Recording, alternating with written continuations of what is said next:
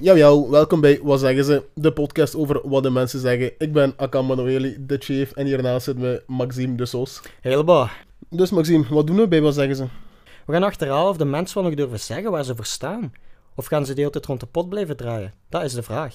Ja, we gaan dus een deep dive doen op verschillende social media websites en kranten. En we analyseren de inhoud, maar ook de commentaren op die artikels, zodat we kunnen begrijpen van waar komen die commentaren en wat leeft er echt in de streets. We willen vooral toch aan de mensen laten zien van de dingen waarvan ze schrik hebben.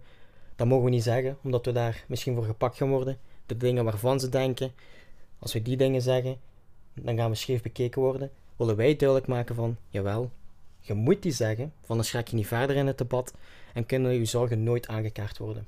Dus eigenlijk bijvoorbeeld in het klimaatdebat heb je mensen die eh, geloven in kernenergie en ze vinden er moet ge- gerenoveerd worden of moet uitgebreid worden. Die mensen worden dan heel vaak scheef bekeken, dus die moet je ook een kans geven om het uit te spreken. Doe je het zo? Oké, en voor wie is het dan?